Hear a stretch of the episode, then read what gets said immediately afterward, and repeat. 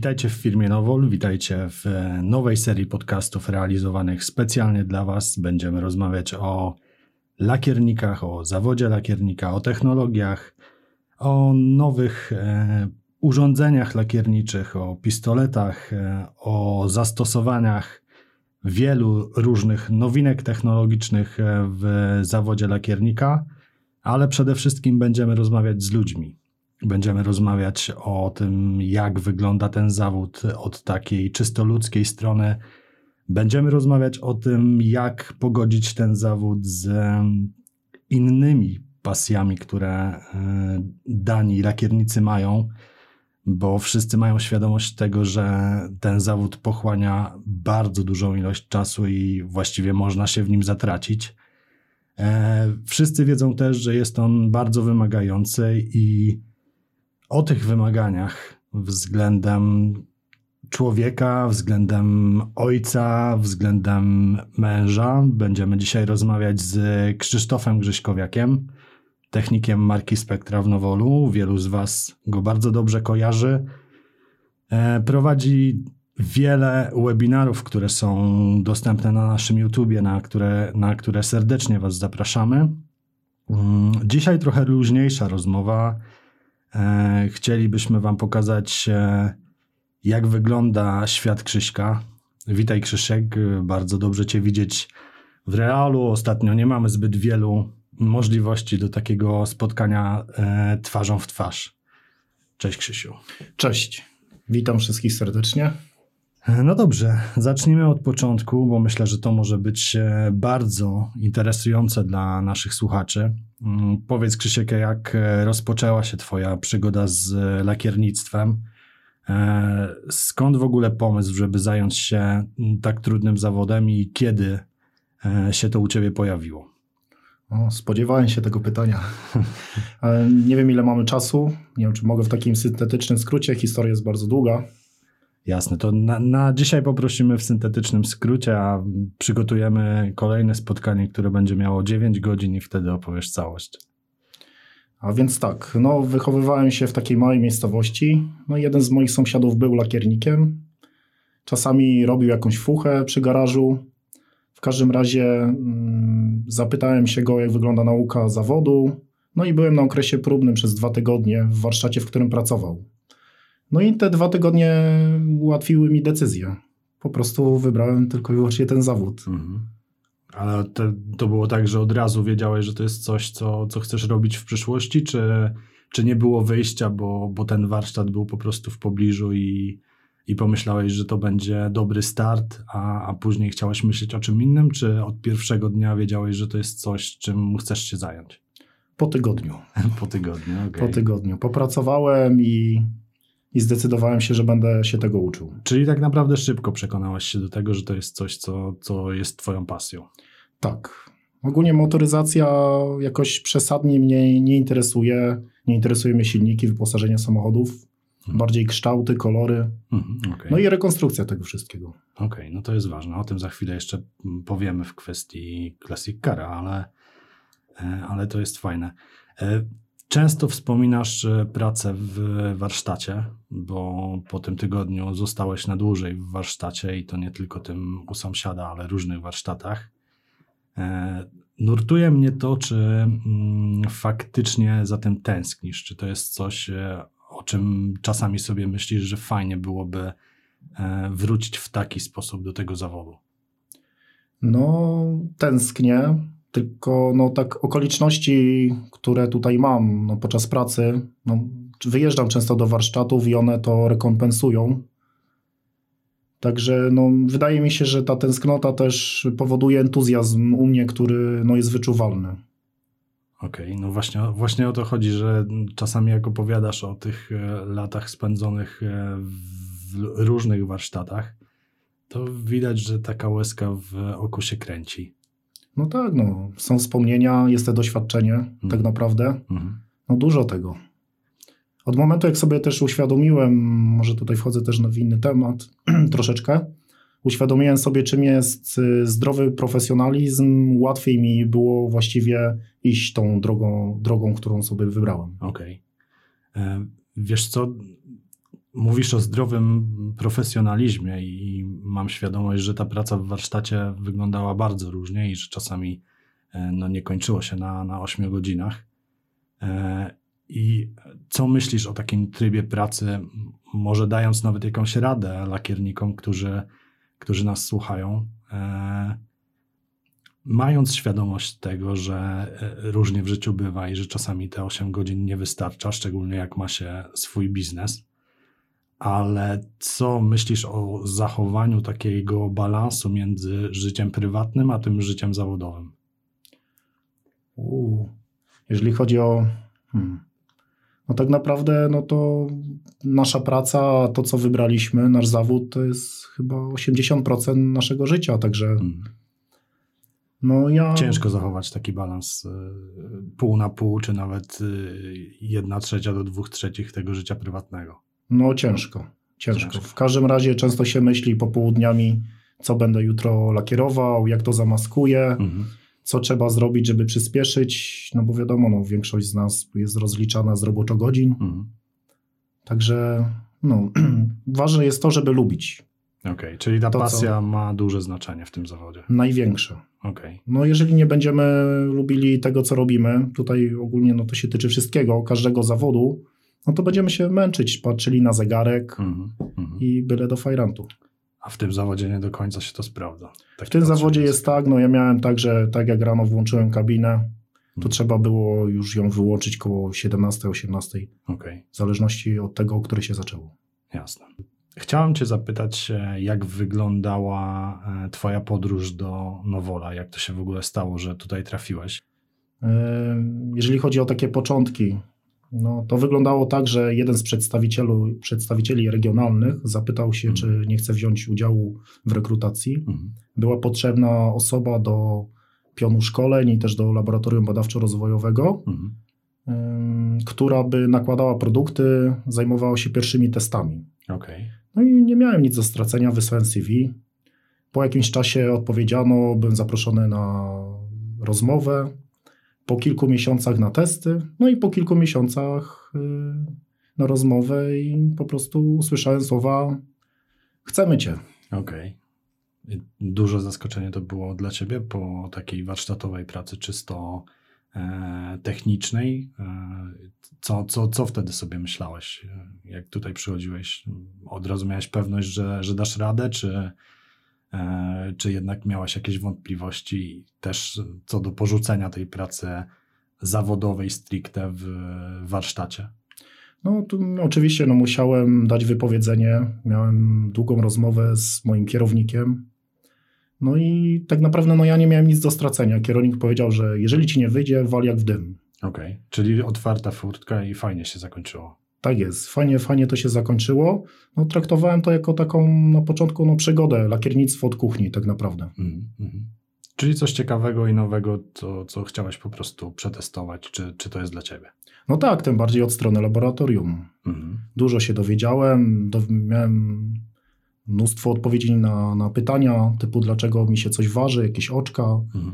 mnóstwo nieprzyjemnych historii, które spotkałem, po prostu no, dużo, dużo się dowiedziałem od strony laboratorium. Okej, okay, czyli wartością było to, że poznałeś e, produkty od tej strony czysto technologicznej, a dla nas było dużą wartością to, że miałeś to doświadczenie warsztatowe.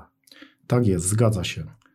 Także tutaj to no, te testy te testy były super na samym początku, no, ale okoliczności mnie popchnęły w zupełnie innym kierunku. No właśnie. No, pano, moi koledzy, koledzy starsi no, musieli wyjeżdżać w delegację, mało osób było na miejscu, no i byłem zaangażowany w pierwsze szkolenia, hmm. które wyglądały w taki sposób, że no, ja pokazywałem, yy, wykładowca mówił, co robię. Hmm. Tak tłumaczył dokładnie. No i z czasem okazało się, że sam zacząłem prowadzić szkolenia. Hmm. No i tak z lakiernika zatrudnionego do pionu szkoleń i laboratorium z czasem stałem się technikiem szkoleniowcem. Okej. Okay. Co, w, co w tym przejściu z warsztatu i z e, takiej technicznej pracy do zawodu szkoleniowca było najtrudniejsze dla Ciebie? Umiejętność, nad którą cały czas pracuję, wytłumaczenia tego, y, jak się daną czynność wykonuje. Nie wiem, techniki cieniowania, podkładowanie, które może wydawać się bardzo proste. No, Czyli ja najważniejszy mam... dla szkoleniowca jest ten jasny przekaz informacji e, wprost do odbiorcy. Pewnie trzeba czasami dostosować e, to, co się mówi do, do odbiorcy, bo ci lakiernicy też są e, bardzo różni. E, a dla mnie jest mega ciekawym tematem to, że jesteś super gwiazdą w oczach lakierników z Wielkiej Brytanii i nauczyłeś się angielskiego w ekspresowym tempie. Wszyscy w firmie byli w, w szoku, jak szybko załapałeś język i jak szybko potrafisz się E, w nim komunikować e, bez najmniejszych problemów e, z lakiernikami, którzy bardzo często używają no, takich swoich skrótów myślowych. Standardowo w odbiorze są dość trudni, a ty pamiętam, chodziłeś z fiszkami, na których miałeś wypisane te zwroty, których oni używają i się tego uczyłeś. E, ja do dzisiaj jestem pełen podziwu dla ciebie akurat w tej kwestii, bo e, no to było coś niesamowitego, że e, byłeś w stanie dwóch miesięcy, w, w, w, dwa miesiące nauczyć się takiej komunikacji z nimi, że oni mieli ciebie za kogoś równego sobie i, i bardzo chętnie cię słuchali. No tak, też ciekawa przygoda od samych początków. Po prostu byłem wrzucony na głęboką wodę. Tak jest taki żart o Jasiu, który został wyrzucony na głęboką wodę. Szybko nauczył się pływać, ale to, co było dla niego najgorsze, to wydostanie się z worka. No tak. No w moim przypadku tak było, że byłem wrzucony na głęboką wodę, tylko ja z tymi uczestnikami szkoleń z Wielkiej Brytanii Mm, zrobiłem tak, że no zagraliśmy w otwarte karty. Przedstawiłem, że jestem po prostu, że się uczę języka angielskiego. Dla nich będzie szkolenie, dla mnie będzie mhm. E, lekcja. Mhm. Czyli każde szkolenie było dla mnie lekcją i to taką naprawdę konkretną lekcją. Czegoś nie wiedziałem. Nauczyłem się bardzo szybko tak zwanego spellingu, czyli literowania. Mhm. No i zapisywałem sobie poprzez ten spelling dane słowa, nie przykładowo szpachelka, spłeder. Mhm. No i tak się nauczyłem, właśnie tworzyłem fiszki, no i nadal tak naprawdę się uczę. Super. Czyli tak naprawdę e, zorganizowałeś sobie szkolenie również dla siebie i jednocześnie dla nich. Tak jest. Fajne Super. Podejście. No, war... po prostu nie miałem nic do stracenia. No, warto wykorzystywać pewne okoliczności, które Super. są. Super. E, powiedzieliśmy już sporo o Twoich zaletach ale chciałbym przejść na tą drugą stronę barykady i zapytać Cię o Twoje wady. Uuu, na te pytanie to akurat się nie przygotowałem. No to musisz teraz zmyśleć.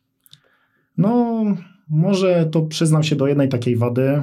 Mm, często jest tak, no, może już rzadziej tu sprostuję, że za dużo bym chciał pokazać mhm. pewnych, pewnych rozwiązań. Czasem trzeba wystopować i no jakiś czas temu uświadomiłem sobie, że mniej znaczy więcej. Jasne. No to, to tylko to. No jeżeli chodzi o kwestię doświadczenia pracy w zawodzie lakiernika, pracy w lakierni, każde potknięcie to kolejny krok do przodu. Mhm. Jeżeli przeanalizuję i uświadomię sobie, co zrobiłem źle, wiem, że już drugi raz tak nie zrobię. Czyli uczymy się na własnych błędach w tym zawodzie. Tak, uczymy się na własnych błędach. No, wspominałem, wspomniałem o tym zdrowym perfekcjonizmie. To też takie fajnie, fajnie, dobrze jest sobie to uświadomić. Zdrowy perfekcjonizm to po prostu skupianie się na działaniu. Skupianie się na błędach bardzo ogranicza. Okay, czyli... Nie ma, zabija entuzjazm, no i motywację do działania. Czyli uczymy się na błędach, wyciągamy wnioski i przemy do przodu, nie załamujemy się jedną porażką. Tak jest. No i po prostu nie słuchajmy takich głosów, że u, coś zrobiłeś źle, ten to zrobił źle. Różne sytuacje oczywiście bywają w warsztacie, skupiajmy się na działaniu. Mhm. I to super sprawa, jeżeli chodzi o lakierowanie.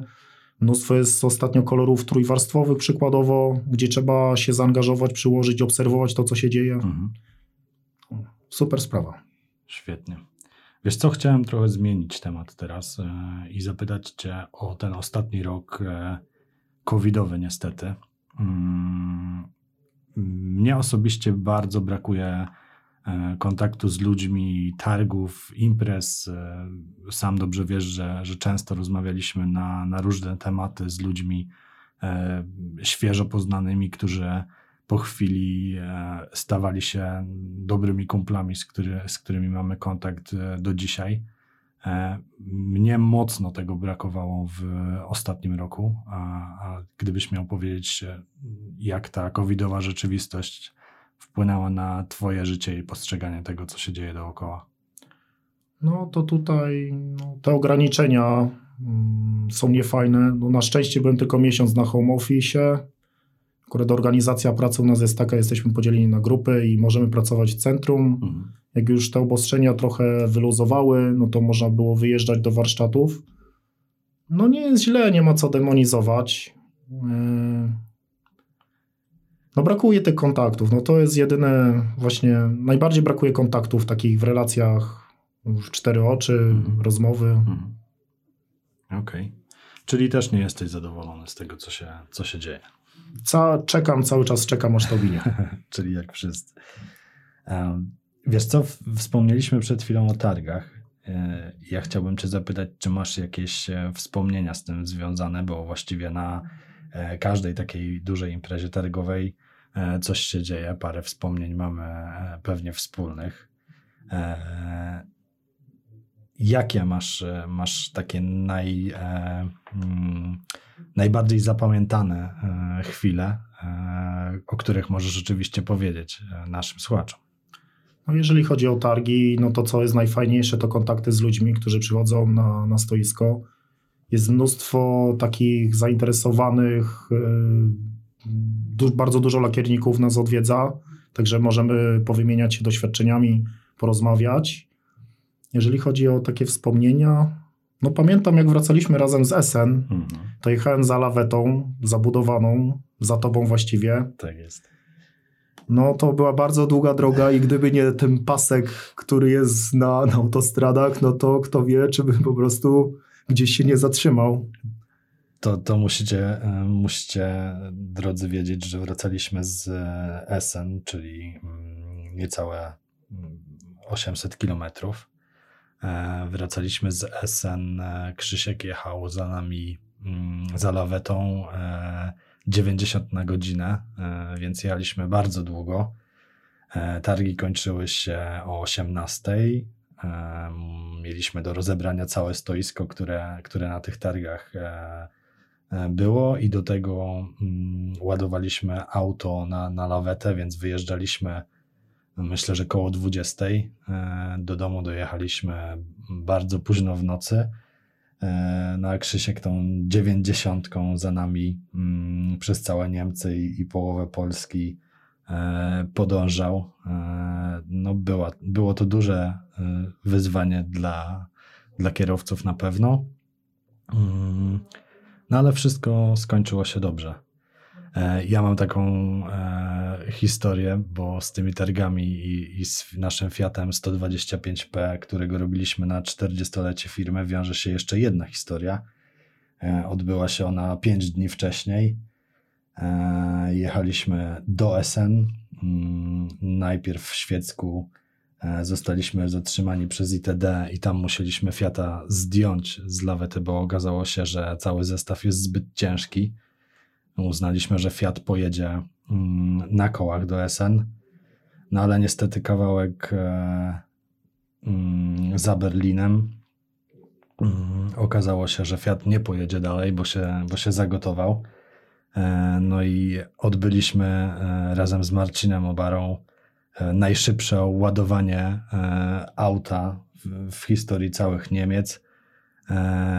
Wrzuciliśmy je na lawetę w ciągu mm, ja wiem, może 3-4 minut, a odbywało się to wszystko na, na niemieckiej autostradzie. E, no to jest taka historia, której ja akurat e, z, z, tego wyjazdu nie zapomnę do, do końca życia. E, no dobra, to są historie, do których możemy wrócić w kolejnych audycjach, mm, ale chciałbym trochę nawiązać do tego, o czym mówiliśmy i do tego naszego Fiata. Wydaje mi się, że dla nas obojga to był e, ważny projekt. E, w 7 dni restaurowaliśmy e, karoserię zabytkowego, no bo 40-letniego samochodu. Te 7 dni to nie było dużo, prawda? No, tak naprawdę drapiąc się po głowie i słysząc taką historię, odrestaurowanie przez tydzień, tak czyli od, od antykorozji po lakierowanie, no to bardzo szybko. Pomagały nam oczywiście dwie kabiny, promienniki, to Mhm. bardzo, bardzo przyspieszyło. Ale też pomagali nam ludzie, którzy, których wtedy poznaliśmy i z większością z nich mamy kontakt do dzisiaj, właściwie ze wszystkimi mamy kontakt do dzisiaj. E, Ja trochę rozpatruję tę, tą całą ekipę w kategoriach nadprzyrodzonych, a nawet cudu bym powiedział. E, I nie wiem, czy się ze mną zgodzisz, ale to, że zebraliśmy 12 osób w takiej konfiguracji, e, że faktycznie wszyscy e, znali swoje miejsce, wiedzieli po co tutaj przyjechali, a ostatecznie e, okazali się naszymi dobrymi kumplami, mm, to było coś, co, co pewnie mm, trzeba rozpatrywać w takich kategoriach dobrego zrządzenia losu. No, świetna przygoda. Tak naprawdę okazało się po kilku godzinach, że wszyscy nadają na tych samych falach. Dokładnie. No. Nikt się nie potykał nikogo. Świetnie, super było Mhm. pod tym kątem, jeżeli chodzi o przygotowanie do lakierowania, no i same lakierowanie na koniec. Mhm. No i też było, trochę mieliśmy czasu wolnego, bardzo mało. To fakt. No, pamiętam paintball. Tak, mieliśmy różne aktywności, które wtedy pomagały nam przetrwać te, te chwile po ciężkiej pracy. Czasami było to 12, a nawet 14 godzin, ale, ale ostatecznie chyba wszyscy wyjechali stąd z dobrymi wrażeniami. No. Miło to wspominam w każdym razie. Super, ja też. E, Czyli mamy jasność, że, że musimy to powtórzyć. No, powinniśmy. Okej, musimy najpierw w takim razie porozmawiać z prezesem. Ale zapytamy pana prezesa, jak zaprosimy go na twoje miejsce na przyszłych y, podcastach. W przyszłych podcastach. No, mam nadzieję, że głupio będzie mu odmówić. Pewnie tak, o to chodzi. E, Krzysiu, porozmawiajmy o twojej bujnej fryzurze, o której mm, wspomnieliśmy już na samym początku. E, Przyszedłeś e, do Nowola mając e, włosy do, do ramion. E, I z tymi włosami wiąże się mm, historia, za którą należą ci się gromkie brawa. Mm, z tego co wiem, oddałeś swoje włosy dla e, chorujących na nowotwory. E, co cię skłoniło do, do podjęcia takiego wyzwania? To był no, jakiś impuls. Mhm. Czyli nie było, nie było wcześniej takiego planu, po prostu uznałeś, że to jest coś, co, co chcesz zrobić dla innych. Tak jest. Miałem, miałem długie włosy, e, ściąłem, to znaczy pani mnie obcięła w taki sposób, żeby łatwiej mi było je zapuszczać ponownie. Mhm. Także oddałem 49 cm Super. włosów na, na peruki dla fundacji Rock and Roll. Mhm. No ale poszedłem do takiego znanego poznańskiego fryzjera i od tamtego czasu cały czas mam fryzurę taką, jaką mam. No tak. Czas leci bardzo szybko. leci.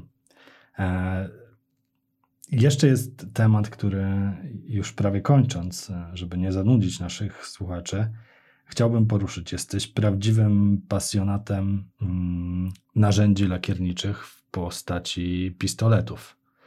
Czy możesz coś więcej powiedzieć o swojej kolekcji? Bo wiem, że za każdym razem, gdy otwierasz swoją walizkę na warsztacie, to, to lakiernicy stoją w wianku obok ciebie i, i obserwują, co tam z tej walizki wyciągasz. E, Jesteś fanem e, Iwaty i tutaj nie ma co ukrywać, że to jest marka, która ciebie najbardziej kręci. E, Powiedz coś o tej pasji około lakierniczej. No tak, no tutaj też jest długa historia, jeżeli chodzi o pistolety lakiernicze. No, dobrze przygotowane, to w połowie polakierowane. W- Na strefie przygotowawczej wiadomo, dobry sprzęt w postaci maszynek, promienników i tak dalej. W kabinie waż, najważniejsza jest atomizacja. Mhm. No i tutaj tak naprawdę no, gdzieś od 19 roku życia no, kolekcjonuję pistolety. Wcześniej się z tym skryłem. Jak pracowałem w warsztacie, to zabierałem tylko dwa. Używałem do lakieru bazowego i do bezbarwnego.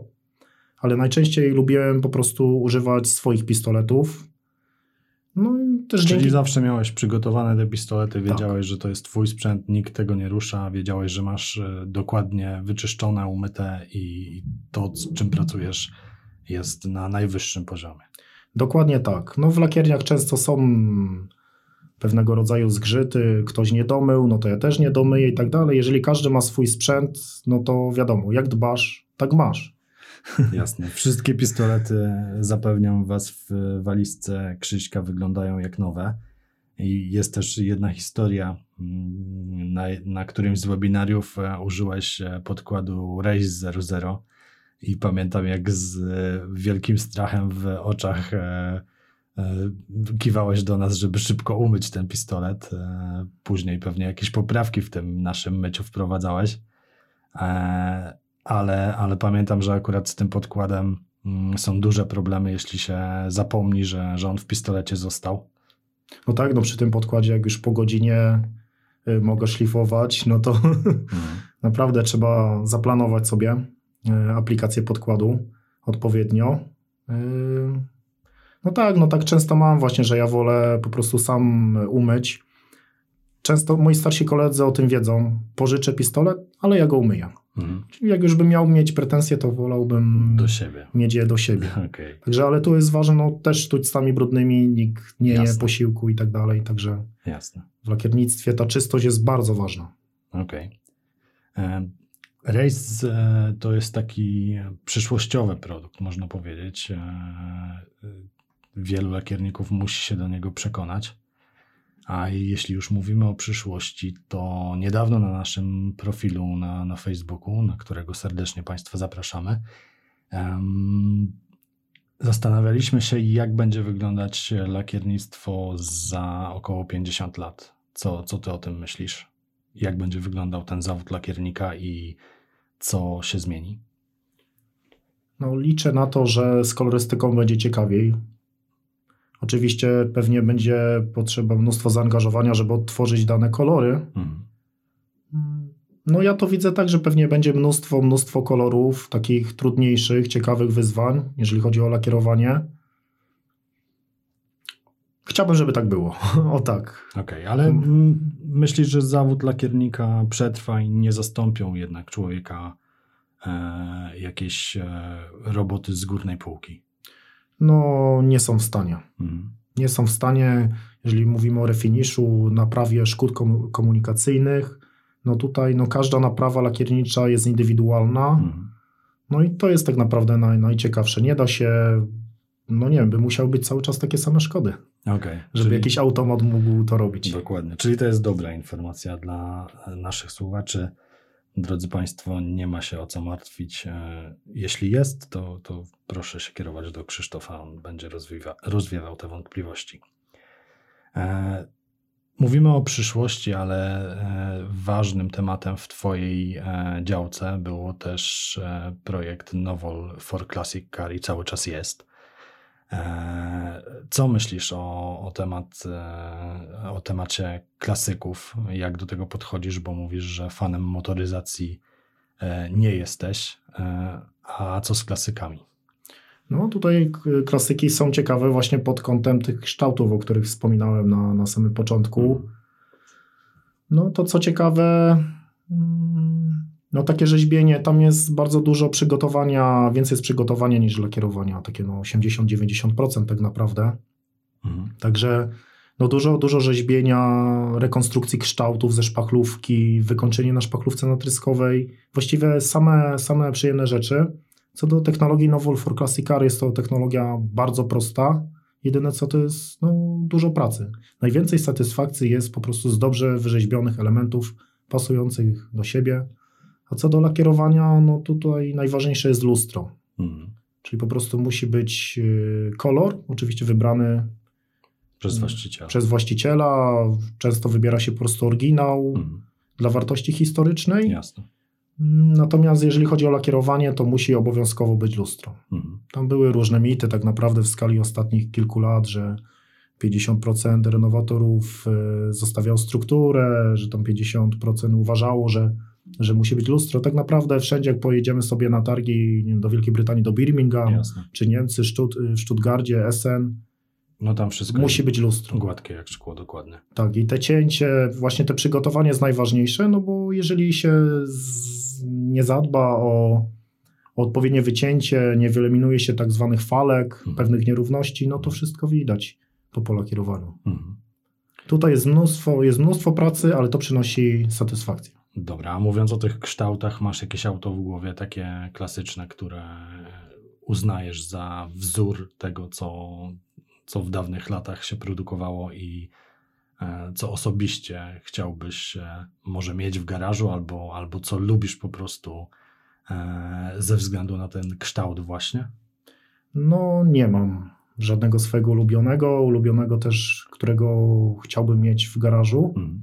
Jedyne co ostatnio, to co bym chciał, to móc polakierować e, trzysetkę Mercedesa Goulinga tak zwanego. Okej. Jest ich bardzo mało, więc to jest mało prawdopodobne, ale chcę. Już lakierowałem 190, Pagody, Jaguary i Typy, Mhm. półokrągłe kształty. Y, Super, super doświadczenie, no ale chciałbym zaliczyć taką trzysetkę. No tak, 300 to jest myślę marzenie wielu lakierników, ale też marzenie wielu renowatorów, bo, bo okaz niezwykle rzadki, szczególnie w oryginale. E, No ale, ale marzenie jest fajne. E, Krzysiek, zabraliśmy naszym słuchaczom pół godziny już, więc będziemy powoli kończyć. E, Z Tobą można by rozmawiać przez kolejnych e, kilka dobrych godzin i te historie byłyby niewyczerpane. Mm, Bardzo Ci dziękuję za spotkanie. Naszym słuchaczom dziękujemy, że z nami są. E, Już niedługo e, kolejne podcasty specjalnie dla Was z ciekawymi gośćmi. Będziemy rozmawiać o różnych tematach. Bądźcie z nami. Dziękujemy Wam bardzo. Do usłyszenia. Dziękuję bardzo, Dzięki, pozdrawiam. Krzysiu.